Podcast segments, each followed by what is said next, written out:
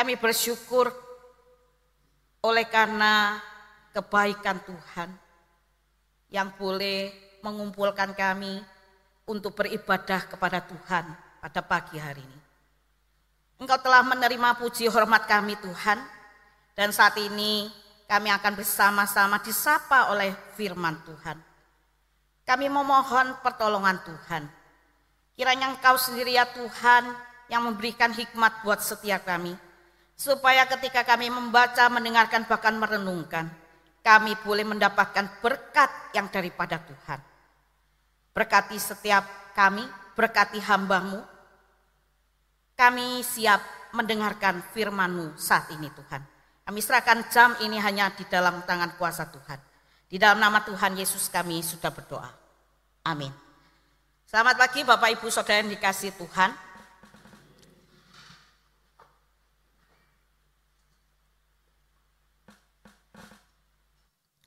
Yang kasih Tuhan, minggu ini adalah minggu terakhir di bulan misi. Bulan Agustus adalah bulan misi, jadi setiap minggunya Bapak Ibu eh, menyaksikan ya eh, setiap pelayan Tuhan pakai bajunya baju adat itu menunjukkan betapa Indonesia itu punya banyak suku bangsa dan juga mendorong kita untuk mendoakan suku bangsa itu supaya mereka juga mendengarkan Injil Tuhan. Nah, minggu ini adalah minggu terakhir. Jadi minggu ini Bapak Ibu terakhir melihat kami berpakaian seperti ini ya. Minggu depan kita pakai baju normal kembali. Ya, Bapak Ibu, karena karena minggu ini adalah minggu terakhir di bulan misi.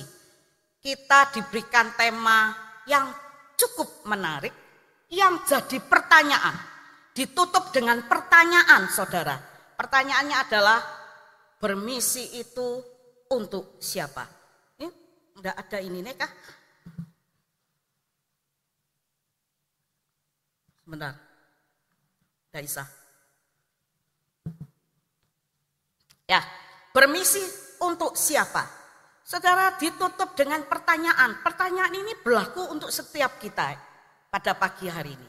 Dan untuk mendapatkan jawabannya, saya mengajak setiap kita untuk buka bagian firman Tuhan dalam 1 Korintus 1 ayat 10 sampai 17. 1 Korintus 1 ayat 10 sampai 17. 1 Korintus 1 ayat 10 sampai 17 jika sudah mendapatkan, saya mengajak setiap kita untuk kita membaca secara bergantian. Saya ayat yang ke-10, silakan Bapak Ibu ayat yang ke-11, demikian seterusnya sampai ayat 17. 1 Korintus 1 ayat 10 sampai 17 demikian firman Tuhan. Tetapi aku menasehatkan kamu, saudara-saudara, demi nama Tuhan kita Yesus Kristus, supaya kamu seia sekata dan jangan ada perpecahan di antara kamu. Tetapi sebaliknya, supaya kamu erat bersatu dan sehati sepikir.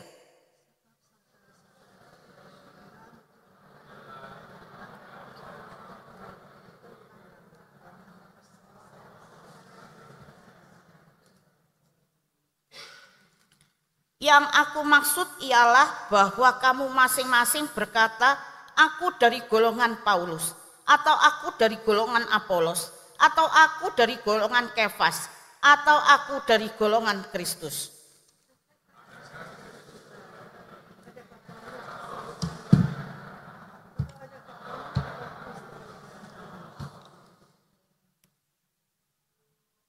Ayat yang ke-14 Aku mengucap syukur bahwa tidak ada seorang pun juga di antara kamu yang aku baptis selain Krispus dan Gaius.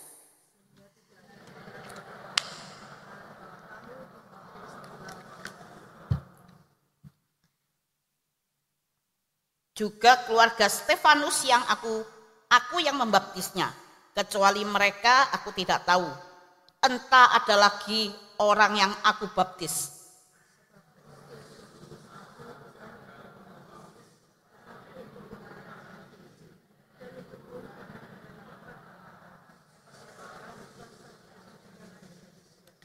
Nah, saudara yang kasih Tuhan, satu hal yang luar biasa dalam satu Korintus eh, surat Korintus ini, surat Korintus ini dibuka dengan eh, Paulus mengucap syukur kepada Tuhan.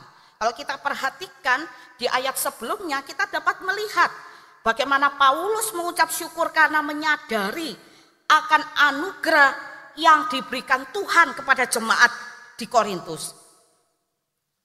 Paulus begitu mengucap syukur kepada Tuhan karena anugerah yang menjadikan umatnya jemaat Korintus kaya akan segala hal, kaya akan perkataan, kaya akan pengetahuan. Mari kita perhatikan 1 Korintus ayat 4 sampai 5. Saya bacakan, aku senantiasa mengucap syukur kepada Allahku karena kamu atas kasih karunia Allah yang dianugerahkannya kepada kamu dalam Kristus Yesus ya.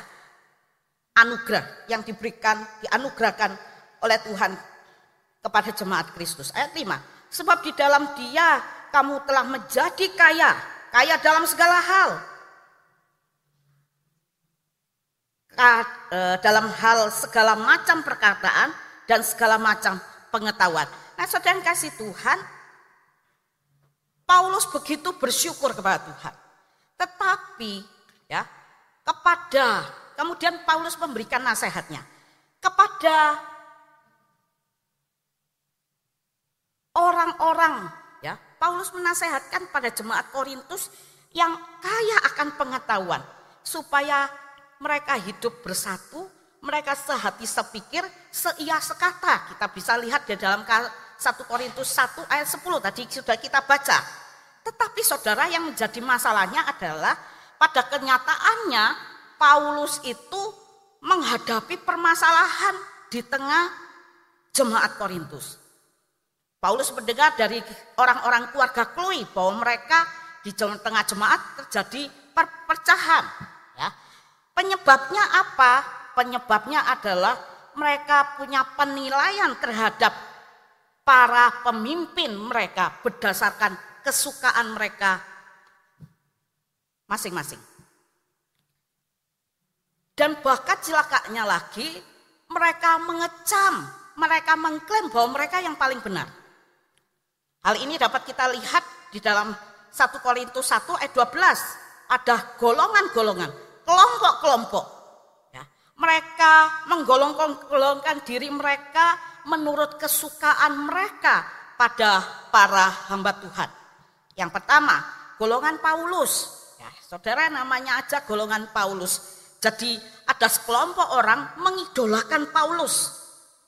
Mengidolakan Paulus.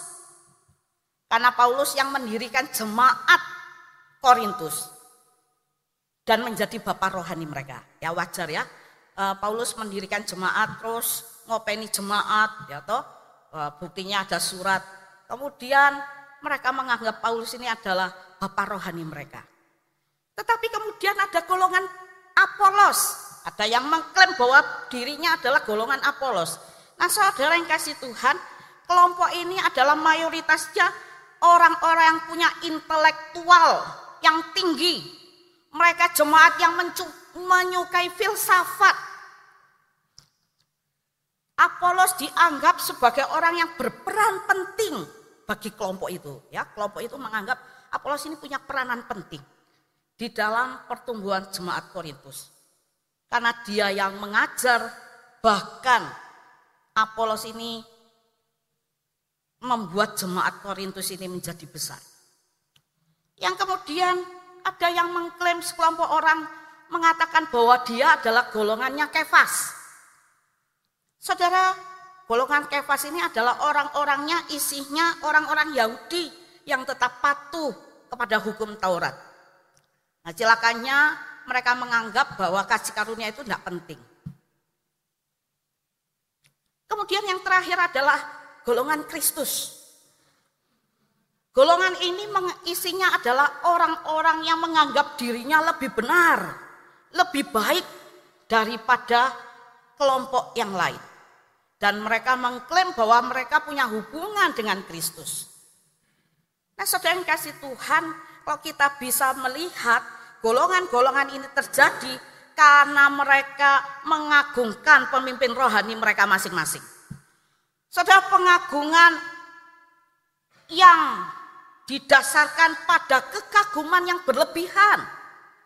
Mereka mengagungkan karena kagum kepada Paulus, Apolos, Kefas. Mereka kagum. Dan saudara yang kasih Tuhan, kekaguman yang berlebihan dapat membawa semangat favoritisme. Semangat favoritisme ini menimbulkan penilaian yang berbeda-beda. Dan penilaian yang berbeda-beda itu dapat merusak kesatuan tubuh Kristus. Inilah yang sedang terjadi di tengah jemaat Korintus. Saya mungkin kita juga pernah menjumpai, ya. kita pernah menjumpai, bahkan mungkin kita juga sedang melakukan, pernah melakukan, sedang dan pernah melakukan mengidolakan hamba Tuhan tertentu. Saya mengidolakan hamba Tuhan yang pertama. Oh, hamba Tuhan A misalnya. Hamba Tuhan A ini waduh lembut apa wis pokoknya api lah ya toh. Terus yang kelompok lainnya mengidolakan hamba Tuhan yang kedua, hamba Tuhan B Sedikit-sedikit hamba Tuhan A, kelompok satunya. Kelompok satunya dikit-dikit hamba Tuhan B. Apa-apa hamba Tuhan A, apa-apa hamba Tuhan B. Dan lebih parahnya, ini terbawa di dalam ketika para hamba Tuhan itu membuat satu program, program ya, kegiatan. Ketika hamba Tuhan A membuat program, sekelompok orang ini pendukung uh, hamba Tuhan A, oh dukung setengah mati Mendukung, support. Mendukung sedemikian rupa, baik dana, pikiran, tenaga, dan sebagainya. Tetapi ketika hamba Tuhan yang lainnya membuat proyek atau kegiatan, saudara kelompok yang mendukung hamba Tuhan eh, ini cuek, tidak mendukung, tidak support, dan sebagainya. Atau sebaliknya. Saudara inilah yang sering terjadi yang sering membuat terjadinya perpecahan di dalam sebuah gereja. Saudara sebetulnya ketika kita nggak mau membuka diri untuk satu orang yang kita kagumi, kita hanya mau, maafkan, kita hanya mau membuka diri untuk satu orang yang kita kagumi, atau dengan kata lain, kita mengidolakan satu orang, itu sebetulnya kita sedang membatasi diri kita sendiri. Kita mempersempit diri kita sehingga kita tidak bisa menerima berkat dari orang lain yang tentunya akan menjadi berkat untuk kita. Nah saudara yang kasih Tuhan, bagaimana sikap Paulus di dalam melihat kenyataan ini?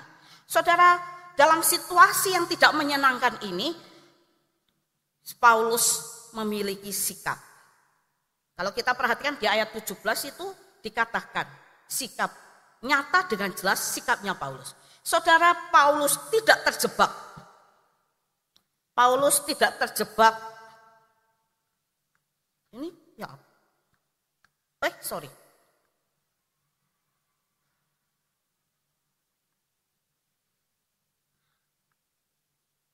Oh ya.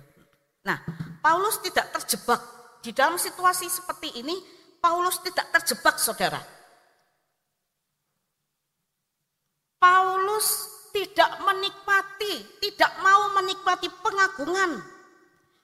Paulus tidak mau melibatkan dirinya di dalam kompetisi para hamba Tuhan ini. Dia nggak terjebak. Kompetisi yang diadakan jemaat Korintus, kompetisi yang tidak sehat, yang, da yang dapat membuat seorang membuktikan bahwa dirinya lebih baik daripada orang lain. Demikian juga kalau kita perhatikan ada golongan Kristus ya. Paulus juga ngomong. Nah saudara kasih Tuhan. Demikian juga dengan orang yang menyebut dirinya golongan Kristus. Saudara mereka seolah-olah itu memilih yang benar, daripada memilih Paulus dan Apolos bahkan Kefas. Dalam hal ini Paulus menegur mereka juga. Menegur karena mereka pikir bahwa mereka pilihan mereka itu benar, tetapi penuh dengan kedagingan. Mereka kelihatannya alkitabiah, tetapi ternyata kalau diselidiki kerangka berpikir mereka, kerangka teologi mereka tidak benar. Nah saudara yang kasih Tuhan, oleh karenanya Paulus kemudian memberikan dua nasihat. Dua nasihatnya kepada jemaat Korintus dan juga untuk kita saat ini. Yang pertama, yang pertama adalah kita tidak boleh mengagungkan kebesaran manusia. Saudara yang kasih Tuhan satu hal yang perlu kita perhatikan di sini bahwa jika kita terlalu mengagung-agungkan kebesaran manusia, maka kita tidak akan bisa melihat kebesarannya Tuhan. Karena otak kita, pikiran kita hanya dipenuhi oleh keberadaan satu orang ini. Saudara, akibatnya apa? Akibatnya kirang kurang respect terhadap orang itu. Sementara Allah saja menghormati pelayannya, menghormati hamba hambanya. Nah, saudara kasih Tuhan, kenapa saya katakan pikiran kita hanya dipenuhi oleh orang itu. Ya, pikiran kita hanya dipenuhi oleh keberadaan orang itu.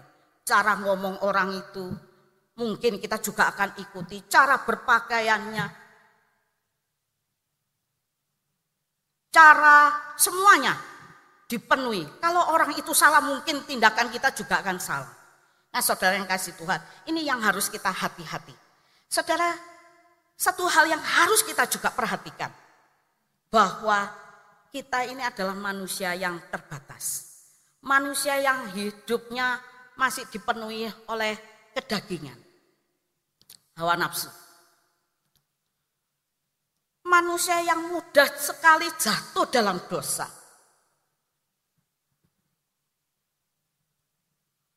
Dalam hal ini adalah dosa kesombongan. Ketika kita mengidolakan orang tersebut. Wah semua semua saya misalnya Yulia. Semua semua Yulia. Wah Yulia. Wah Yulia. Saudara lama-lama saya bisa tinggi hati. Lama-lama saya bisa jatuh. Sombong. Karena ini.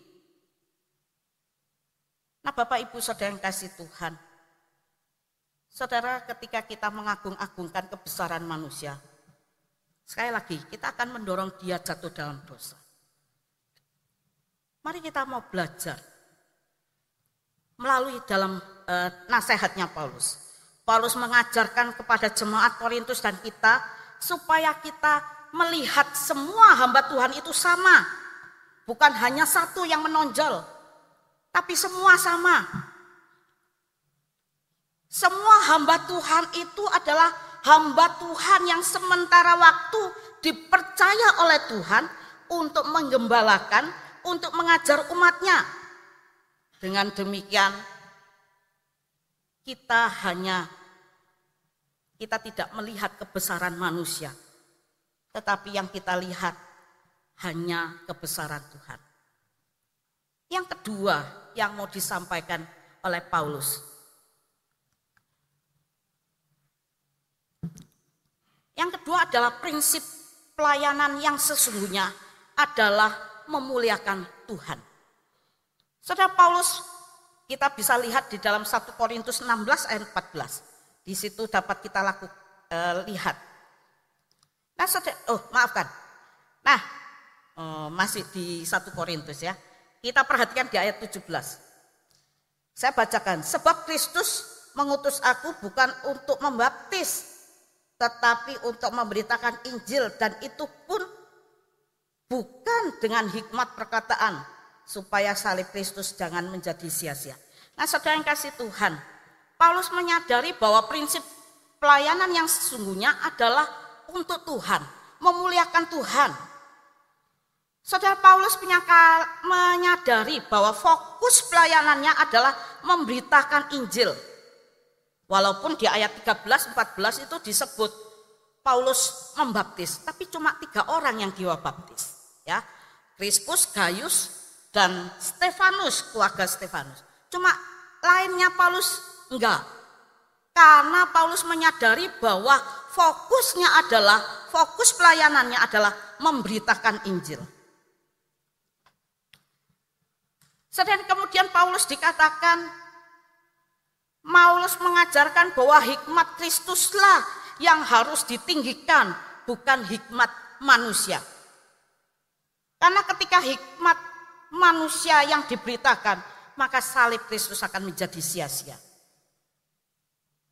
Tidak ada gunanya. Dengan kata lain yang mau disampaikan adalah bahwa prinsip pelayanan yang sesungguhnya adalah untuk Tuhan. Pusatnya adalah Tuhan, bukan manusianya.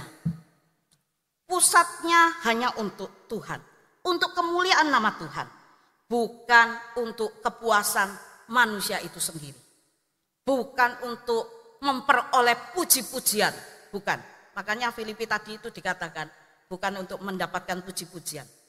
Bukan juga untuk memperoleh kemuliaan uh, orang tertentu.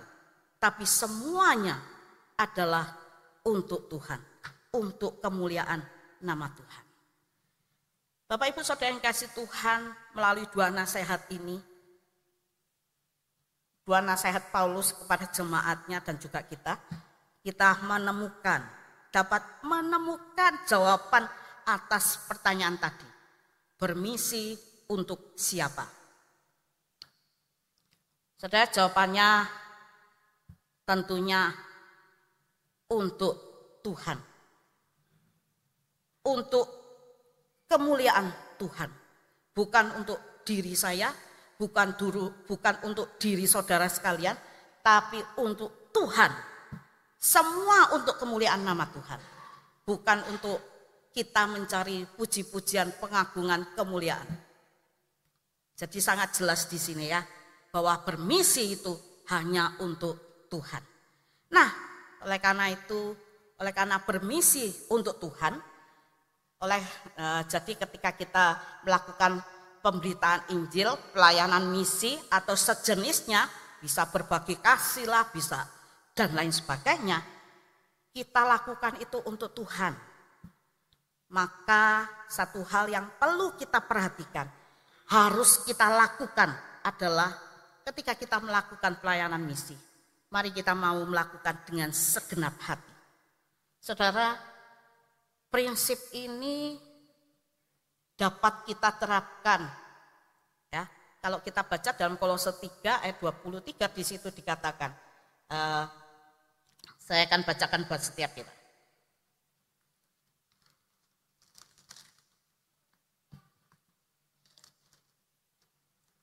Dua tiga. Apa pun yang kamu perbuat, perbuatlah dengan segenap hatimu seperti untuk Tuhan, bukan untuk manusia. Yang kasih Tuhan, memang kalau setiga ini adalah konteksnya Tuhan dan Tuhan dan hamba. Tetapi saya pikir ayat ini mengajarkan prinsip yang dapat kita terapkan dalam segala sesuatu. Termasuk di dalamnya adalah pelayanan kita. Termasuk pelayanan misi yang kita ambil bagian di dalamnya. Dalam hal ini memberitakan uh, Injil, kasih, dan sejenisnya. Nah saudara, kalau kita perhatikan di sini, kata segenap hati, itu bukan berarti uh, ini berarti bukan hanya sekedar ya uh, segenap hati itu artinya bukan cuma sekedar melakukan bukan juga sembarangan dengan sembarangan kita lakukan tetapi dengan sepenuh hati dengan sungguh-sungguh melakukan pelayanan tersebut melakukan pelayanan yang Tuhan percayakan kepada setiap kita Saudara yang kasih Tuhan segenap hati itu juga berbicara tentang segenap perasaan. Segenap hati itu juga berbicara tentang segenap kemampuan dan tenaga yang Tuhan berikan buat kita. Segenap hati itu juga berkaitan dengan segenap pikiran. Jadi dengan kata lain, kita harus ya segenap hati itu kita fokuskan untuk pelayanan yang pelayanan misi yang sedang kita kerjakan. Dan tentunya semua itu hanya untuk Tuhan untuk kemuliaan nama Tuhan. Bukan untuk manusia yang sedang kita layani. Bukan juga untuk diri kita sebagai manusia dalam hal ini kita mendapatkan pujian dan sebagainya. Yang kedua, yang kedua adalah melakukan segala sesuatunya dengan kasih. 1 Korintus 6 ayat 14. Saya akan bacakan.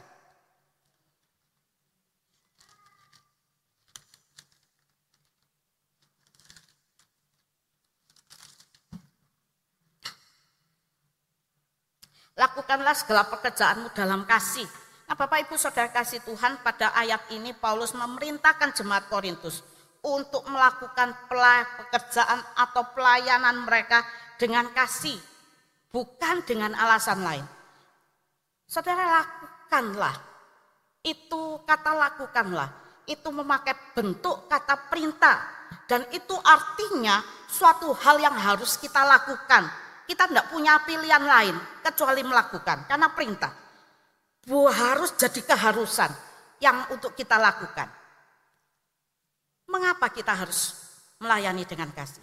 Saudara, karena hanya dengan melayani dengan kasih kita dapat uh, ya dapat memberikan hasil yang lebih baik dan memuaskan baik untuk orang yang kita layani maupun untuk diri kita sendiri.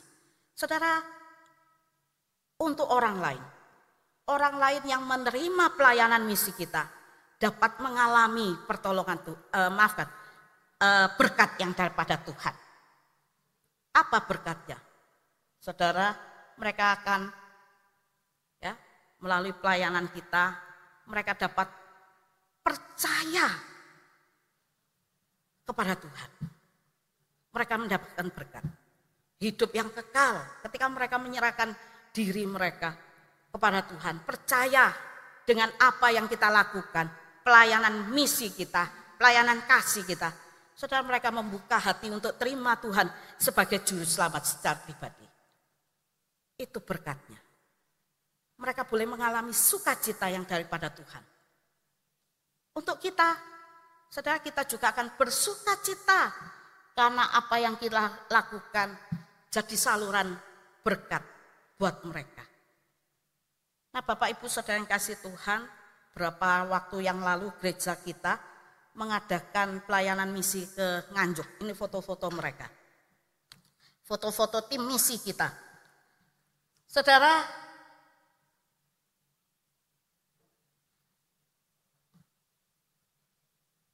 di dalam pelayanan misi yang dilakukan oleh tim misi, pengurus misi,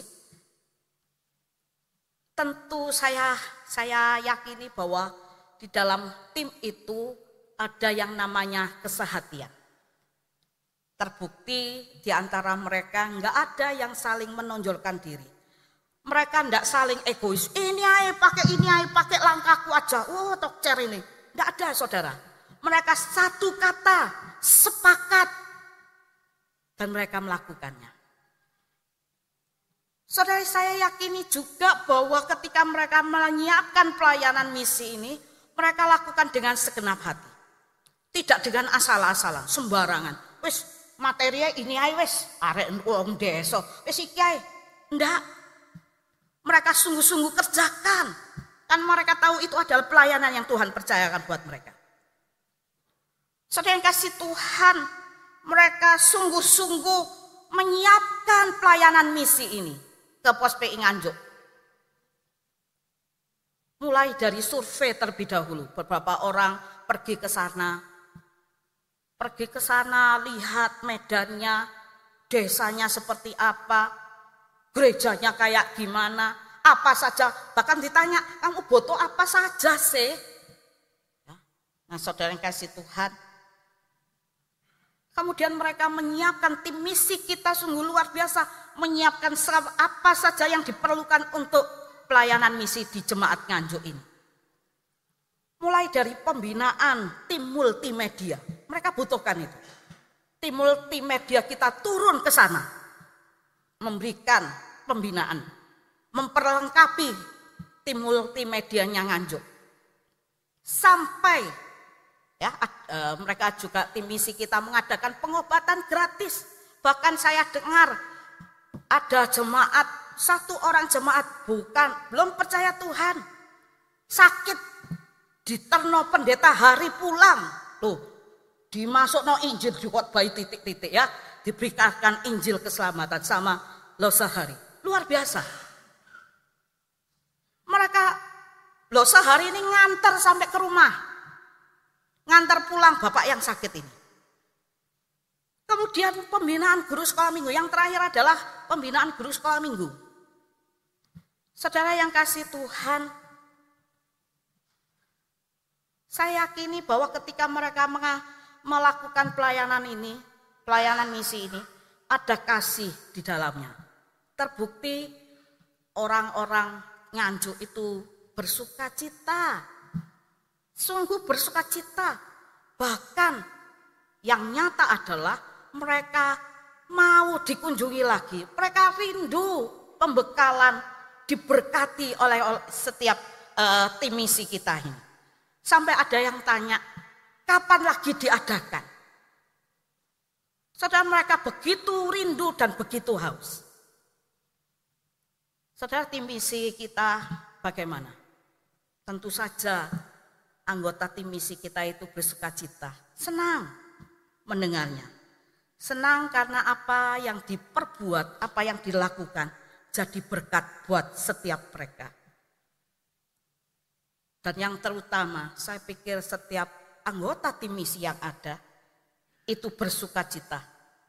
Karena apa yang dilakukannya adalah semuanya untuk Tuhan. Saya pikir setiap anggota tim misi nggak ada yang katakan ini lo aku. Nggak ada. Semua untuk kemuliaan nama Tuhan. Semua hanya untuk Tuhan. Saudara, bagaimana dengan setiap kita? Apa yang menjadi motivasi kita ketika kita melayani Tuhan di dalam pelayanan misi ini? Setiap setahun sekali kita mengadakan pelayanan misi, berbagi ya. Kita mengumpulkan uang karena ada doa puasa. Jadi uang makan kita kita sisihkan untuk kita persembahkan di gereja. Saudara ketika kita menyisihkan uang kita, apa motivasi kita? Ketika kita ikut ambil bagian di dalam eh, kelompok-kelompok eh, kecil berbagi kasih, apa motivasi yang ada dalam hati kita? Apakah kita hanya untuk mau dipuji, ini loh sumbanganku akeh. Apakah itu Bapak Ibu Saudara yang kasih Tuhan, biarlah melalui firman Tuhan pada pagi hari ini boleh menolong kita. Menolong kita untuk memurnikan motivasi kita di dalam kita melakukan pelayanan misi. Sekali lagi, yang terutama adalah Tuhan, bukan diri kita. Kiranya Tuhan boleh menolong dan memberkati kita. Amin. Minta kesediaan pendeta Meling untuk berdoa.